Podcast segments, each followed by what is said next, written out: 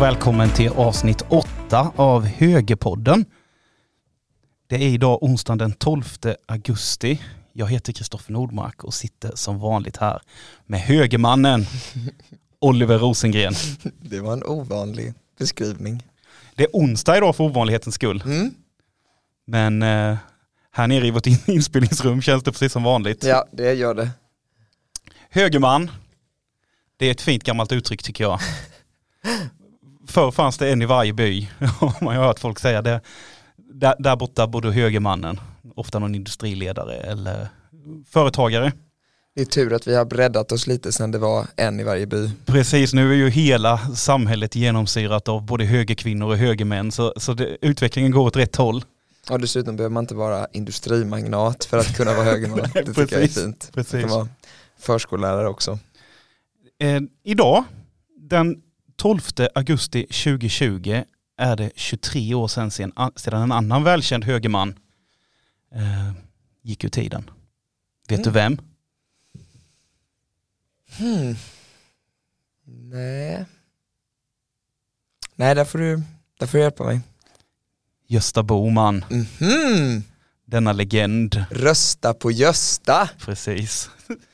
Eh, Gösta, för, för er som mot all förmodan inte vet vem, vem Gösta var, så var han eh, Moderaternas partiledare mellan 1970 till 1981. Han satt väl i riksdagen precis hur länge som helst också. Ja, jag har faktiskt skrivit upp det här. 58 till 91. Ja, det är en, eh, det är en omgång. Det, det är nästan lite för länge. Det är som amerikanska senatorer, de brukar ju också sitta sig helt otroligt antal år. Liksom. Ja, jag, jag tänker Joe Biden måste ju ha, ha suttit en helt arbetsliv. Det har två, han gjort, ja. två arbetsliv. I, Två arbetsliv. Ja, han är inte klar tycker han. nej. Eh, anledningen till att jag tog upp det här är, att eh, Gösta ersattes ju av Ulf Adelsson Mm. och då gav han honom tre stycken råd. Tre råd gav han honom som jag tänkte, tänkte kolla bland annat det ena med dig. Det var var ödmjuk, lyssna på andra och var dig själv. Mm. Och jag som känner dig vet ju att du både är ödmjuk och att du definitivt är dig själv. Ja, snällt. Men eh, hur gör du för att lyssna på andra? Ja, men, jag tycker att eh, man behöver liksom, jag tror att det hänger ihop med eh, ödmjukheten också att känna till liksom och, och, och utgå ifrån att mitt uppdrag som, som, eh, som kommunpolitiker och ordförande i de roller som jag finns är ju inte att kunna allt utan att kunna fatta beslut och kunna ta ansvar. Alltså, min profession är inte alltid expertis. Sen måste jag vara bra på det jag håller på med också kunskapsmässigt men det är liksom inte det som är jobbet utan jobbet är ansvarstagandet, att driva förändring och så vidare. Så. Eh, och, och det gör ju att, att man, jag behöver helt enkelt utgå ifrån att för, att för att fatta de bästa besluten måste jag också lyssna på experter. Eh, man får då heller inte fastna i att man bara lyssnar på den ena, alltid. Eh, därför att då kommer man till slut bli liksom en representant för ett särintresse utan det bygger på att man hör många olika sidor och sen skaffa sig en samlad uppfattning om vad som är det bästa för, för det gemensamma så att säga, eller för allmänheten, allmänintresset. Och, och eh, några sådär strategier, jag tycker det är viktigt att vara ute i verksamheten som jag har ansvar för, det är så mycket jag kan, nu har man inte kunnat det eh, av, liksom, på grund av det här Kina-viruset, men, men, men eh, det, är ju, det, är ju, eh, det är ju en viktig strategi. En annan som jag har använt rätt mycket är prao och liksom den typen av studiebesök. Så jag var ju till exempel på Cleaning Support eh, som är ett, ett, eh, ett, eh, ett, ett städföretag i slutet av förra veckan. Det var jätteroligt, givande, eh, verkligen kul. Det var bland annat med en kille som heter Ali som sköter typ hela Grand Samarkand som var helt magisk, har kommit ensamkommande till Sverige och, och är, är en riktig stjärna på cleaning support. Det var väldigt roligt att vara med honom. G- Gran Samarkand är ju då för, för er som inte känner till Ja, Växjö så precis. bra en eh, med Växjös mått med ett stor galleria. Hur man nu inte kan känna till Grand Samarkand, jag kan inte förstå det. Vad är det man brukar säga? Växjö är eh, planet, nej vad är det, solen som eh, jorden snurrar runt. Eh, eller- exakt, exakt, exakt. Exakt. Så måste det väl vara alla vägar bär till Rom.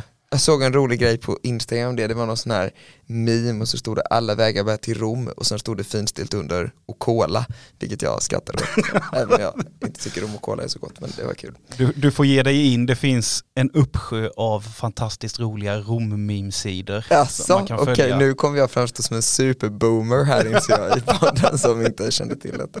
Bland annat vet jag eh, han, han i Blekinge, Arthur Hulu. Ja han är ju djupt engagerad. Jag såg, Absolut, i allt som finns på internet. Ja, men det är fantastiskt också nu när han är, spelar romare. Eh, med, med full mundering. Jag tror jag tittat på varenda. Man kan följa honom på Twitter. Ja, det rekommenderar jag. Och så har han någon lunch, eh, lunch med Arthur Hulu varje dag på Facebook. Så. Herregud. In, in och titta.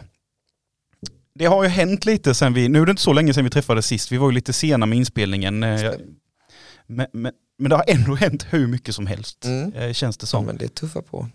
Eh, bland annat så eh, är det en del nya skatter som har börjat, det har börjat pratas om. Så, ja. så jag tänkte vi kan, väl, vi kan väl dela upp det här lite. Vi har, vi har bland annat jämlikhetsutredningen som har kommit som föreslår en återinförd arvsskatt. Det är väl den utredningen som också föreslår som också föreslår uppsökande kulturskola. Okej. Okay. ja, det verkar ju vara det verkar vara en riktig höjdarutredning. Ja, jag har missat det men uh, jag kan inte hålla mig för skratt. Det är allvarligt. ja, jag har för mig att det, det, de har verkligen bestämt sig för att de ska liksom plocka ihop de mest ideologiskt färgade förslagen och sen kalla det för en utredning. Eh, och om man bara ska liksom eh, lämna det komiska i de här sakerna så är det faktiskt lite farligt för utredningsinstitutet som ändå har varit en bra svensk tradition att vi har seriösa utredningar med, som är oberoende och sådär. Att man gör på det här sättet liksom att det blir så väldigt ideologiskt ensidigt det är inte så bra. Alltså jag tror att alla dessa utredningar gör ju så att vanliga skattebetalare känner att de, de får verkligen inget pang för pengarna. Nej. Det är ju utredningsstöden i varenda, ja. varenda fråga. Men, men eh, till arvsskatten. Mm om vi, om vi bara plockar ut den ur den här jämlikhetsutredningen. Vad är din åsikt kring arvsskatten? Utredningen, om man börjar lite grundläggande, den här utredningen verkar liksom ha som idé och verkar fortfarande tro, det är en gammal socialdemokratisk idé, att liksom rättvis fördelning i samhället eller god, alltså att alla får möjligheter och sådär, att det kommer ur höga skatter. Och det har ju liksom motbevisats eftersom Sverige är ett av de länderna i världen med högst skatter men ändå på flera områden inte eh, se till att alla får goda förutsättningar. Eh, utan, utan det är ju snarare eh, hög sysselsättning än höga skatter som eh, gör liksom en rättvis fördelning i samhället då så att säga. Och, och, ehm, och det finns ju många exempel på, och i den här utredningen inte minst på liksom att man har tänkt snett från början, man har fel perspektiv in. Med det sagt och med risk nu då för att eh, den här podden, det kommer komma in klagomål på att den här podden inte får heta högerpodden och sådär längre, så är det liksom Eh, man skulle aldrig få för sig att höja eller återinföra en arvsskatt i grunden. Eh, men ska man välja mellan olika skatter så skulle, man ju kunna, eller skulle jag ju kunna tänka mig att någon slags konstruktion på en arvsskatt om det rakt av ska finansiera en sänkt inkomstskatt inte liksom är otänkbart. Eh, därför att den, det, det, det som åtminstone jag drivs mest av på skattesidan är ju att arbete ska löna sig så mycket som möjligt. Eh, och, och, det får gärna löna sig mer så att säga än att kunna ärva någon. Eh, så att, så att eh, eh det är väl så, men, men jag tycker att i grunden är det bra att arvsskatten är borta. Mm. Det finns ju en del eh, punkter eh, som man brukar ta upp vad gäller arvsskatten, nackdelar då. Bland annat att försvåra för familjeföretag. Mm. Och att det blir, ju, det, det blir ju som en morot nästan för att skatteplanera. Vad tror du om, om dem, eh, den kritiken? Man får ju hitta något system som gör att man kommer bort från de största av, att man kan tänka sig någon slags arvsskatt som inte gäller i den direkt närmaste familj, alltså man får hitta liksom någon sån här någon, någon form för det. Men, men, men förhoppningsvis ska vi inte få tillbaka någon arvsskatt så det behöver man liksom inte tänka så mycket på. Det enda då som jag sa som jag tycker kan legitimera att man tittar på den här typen av skatter överhuvudtaget, inte bara arvsskatt utan det kan också handla om gåvoskatt eller vad det kan vara. Det är ju just om man ska använda det för att kunna kraftigt sänka inkomstskatterna. För att jag ser, ser hellre till att man får varje krona man har jobbat ihop än att man får varje krona någon annan har jobbat ihop i ett arv. Eh, om man nu måste välja. Det är klart som det har sett ut tidigare som har blivit beskattad i båda ändar. Ju. Exakt. Har du skattat på redan skattade pengar. Så. Ja och ska, skulle liksom ett införande av en, av en arvsskatt användas för att finansiera en större offentlig sektor eller ökade utgifter, Socialdemokraternas bidragshöjningar och så vidare, då är det ju, då är det ju liksom bara att resa motstånd. Det är ju den enda vägen i så fall. Något ska ju betala de ambulerande kulturskolorna. Ja exakt, som ska bedriva sin uppsökande verksamhet. Det är ju fler skatter som har diskuterats. Eh, vi tar inte upp alla nu, men eh, en annan kreativ utredning är ju den här engångsartikelutredningen. Ja, mörker. Eh, den personen, jag tänker vad, måste man ha någon speciell utbildning eller så för att få, alltså den... Man måste bara tycka riktigt illa om takeaway. Ja, men, men ja, det var inte det jag menade. Jag känner, jag skulle vilja ha det här jobbet där man bestämmer vad utredningar ska heta. Ja, ja. Det verkar ju vara riktigt roligt. Det är nog kul. Det håller jag med dig om. Överhuvudtaget har ju en del sådana där rapporter och så väldigt skojiga namn. Så, eh, jag ska försöka komma på, jag läste en rapport från expertgruppen för studier i offentlig ekonomi som hette Tänk utanför boxen.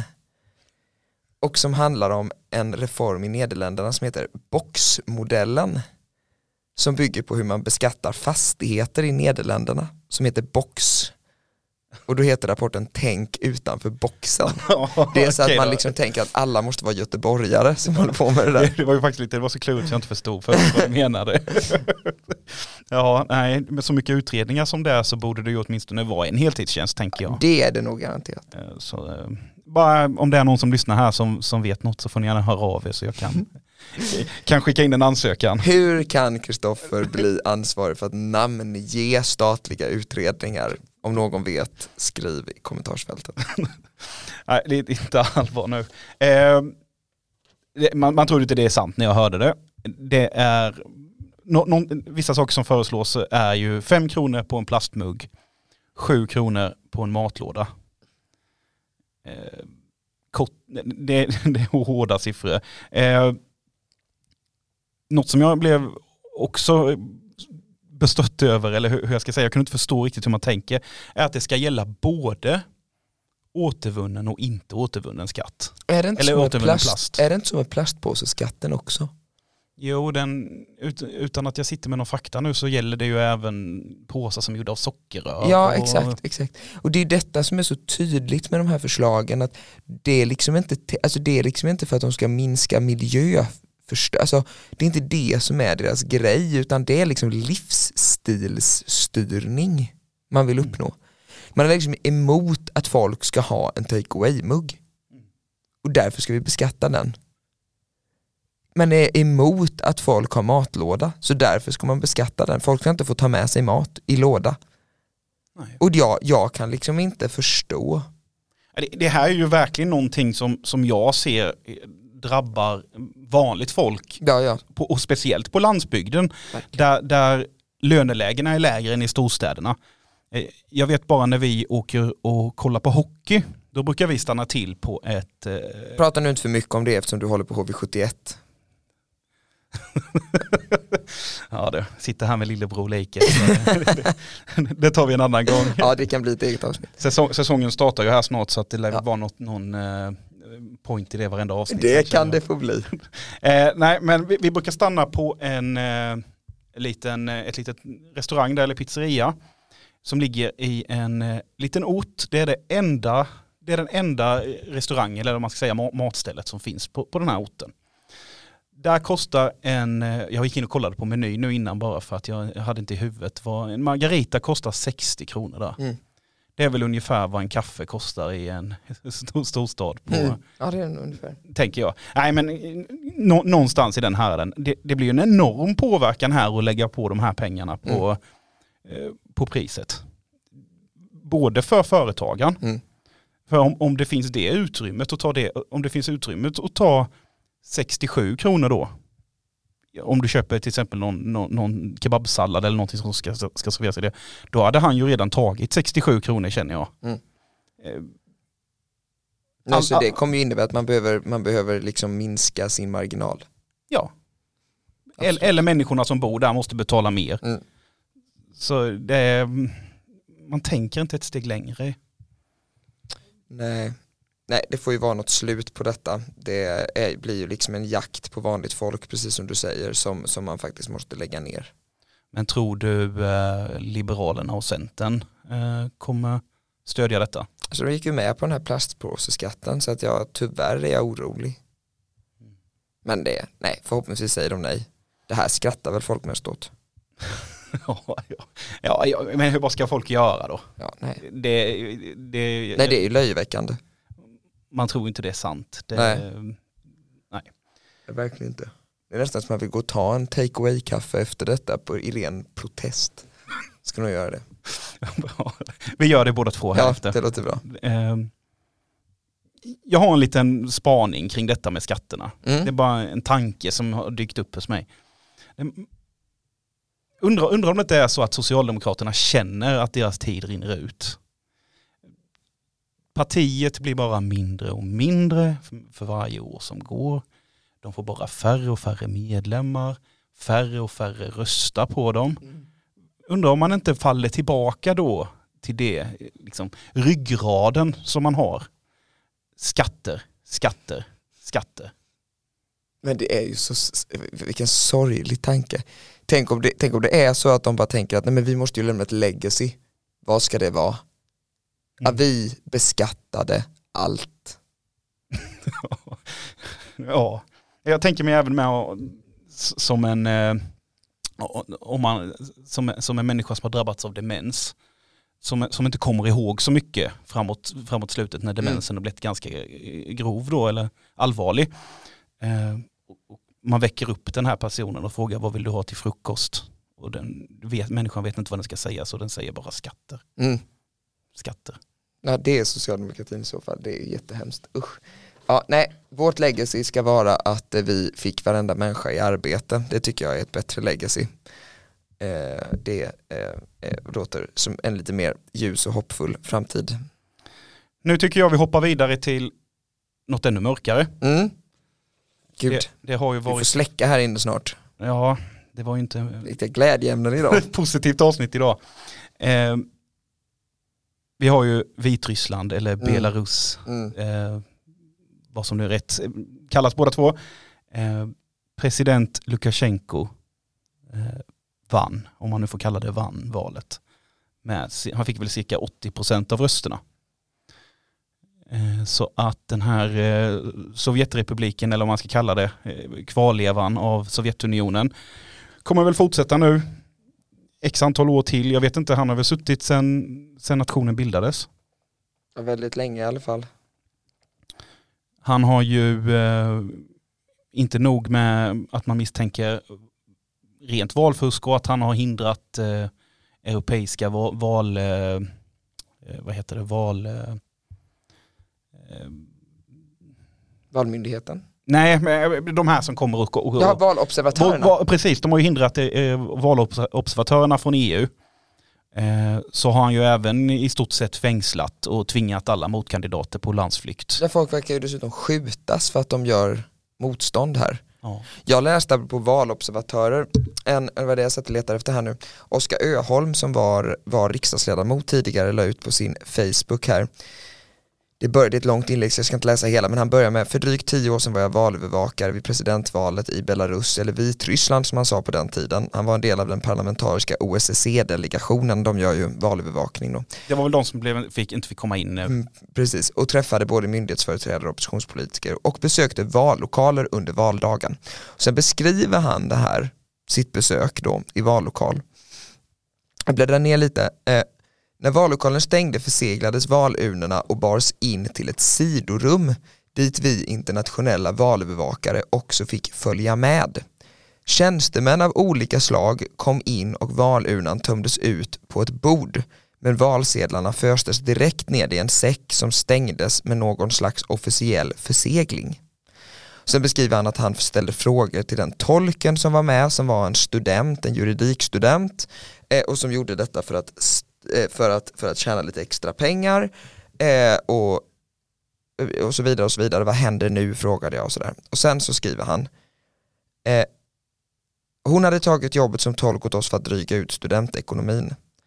Tårarna rann ner för hennes kinder av chocken över hur uppenbart och skamlöst valfusket gick till.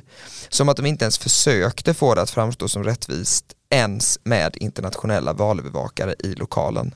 Jag hade faktiskt inte förstått att de gjorde så här, sa hon. Och så fortsätter det så. Eh, alltså, är det helt otroligt. Och detta har liksom fortgått hur lång tid som helst.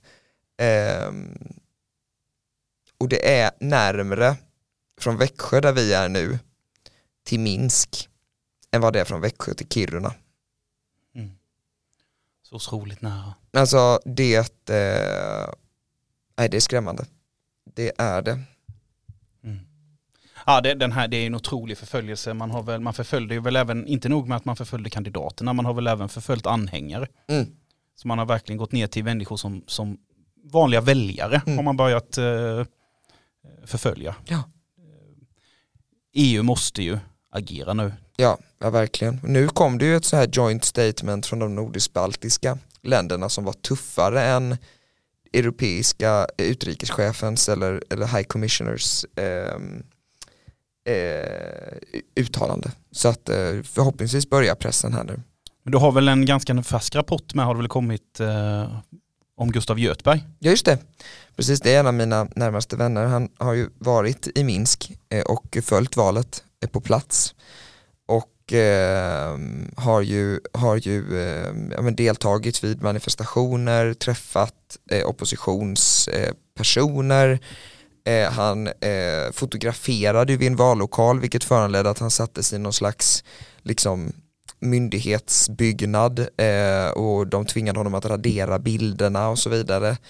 Eh, så han blev belagd med rörelsebegränsningar på sitt hotell, eh, internet stängdes ner och så vidare och så vidare. Är fruktansvärt. Ja. Det är som du säger, så nära oss, så nära EU. Mm, ja, och när det gäller det här då dessutom en svensk förtroendevald, man får ju förvänta sig att eh, utrikesministern agerar och kommenterar detta. Men vad jag har hört idag när jag har lyssnat fram till vi gick in här så har jag inte hört henne eller läst henne. Nu kan jag ha missat någonting men jag... jag, ja, någon kommentar har hon lämnat och förhoppningsvis så fortsätter man väl med, en, med att följa den här lite hårdare tonen från de nordisk-baltiska länderna.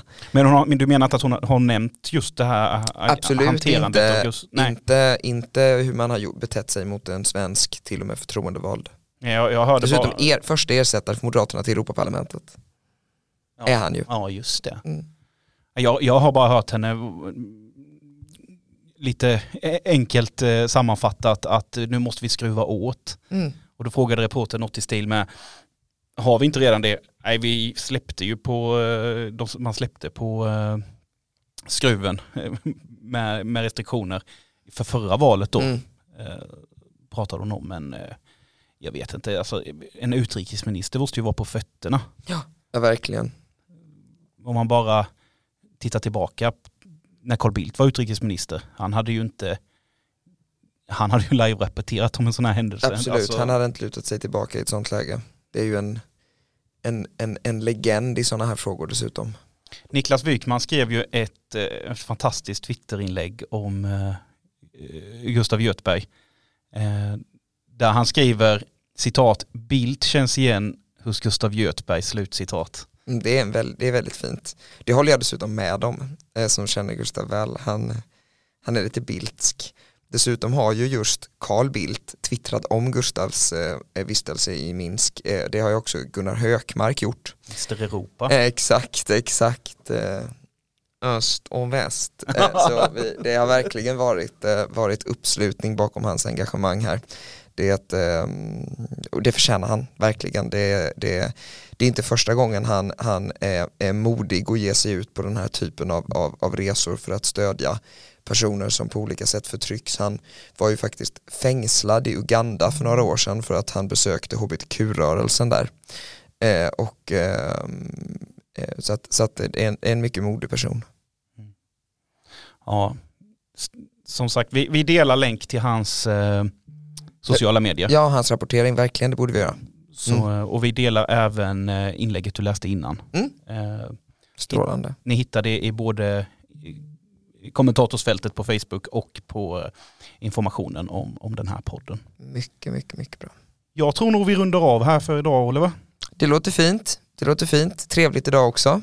Vad- Till nästa gång ska vi se till att ha åtminstone ett rejält glädjeämne. Ja, det har varit mörkt idag. Idag har det varit sån riktig under skatter vi dignar ner. Ja, Ja, det, så kan det behöva vara ibland när det är riktigt, riktigt eh, mörkt. det beror ju inte bara på oss. Nej, det det, gör det garanterat inte. det beror lite på hur eh, vår regering styr det här landet. Absolut. De kanske har, har kommit med jätteglada besked om till om två veckor.